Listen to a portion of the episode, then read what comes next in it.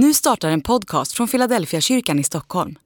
Om du vill komma i kontakt med oss, skriv gärna ett mejl till hejfiladelfiakyrkan.se. Dag 310. Ska man jaga ormar? Jag ska väcka fiendskap mellan dig och kvinnan, mellan din avkomma och hennes. De ska trampa på ditt huvud och du ska hugga dem i hälen. Första Mosebok kapitel 3 och vers 15.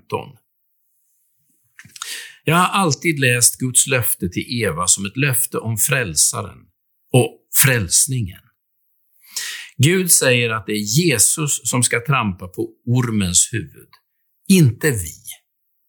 Även om ormen hugger Jesus i hälen kommer Jesus att ta hem segern. Det finns inga bibelord som uppmuntrar oss att skaffa en påk och gå på ormjakt. Det är inte din uppgift att försöka oskadliggöra ormarna i din närhet. Det ska du lämna till Jesus. Bibeln är tydlig med hur vi ska förhålla oss i mötet med giftiga människor.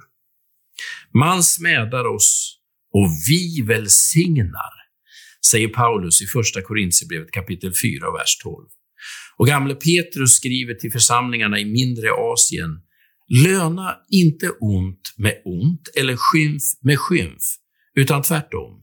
Välsigna, ty ni är själva kallade att få välsignelse. Första Petrus kapitel 3 och vers 9. Både Paulus och Petrus hade fått sin beskärda del av mötet med ormar.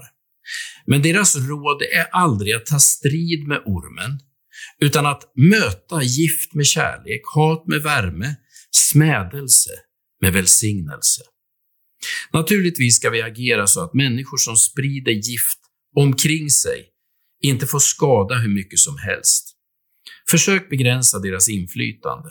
Låt för allt i världen inga giftspridare bli ledare eller gå in i förtroendeuppgifter om du har möjligheten att påverka.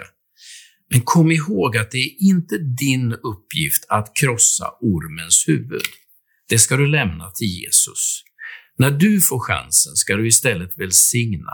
På så sätt undviker du att själv förvandlas till det du försöker bekämpa.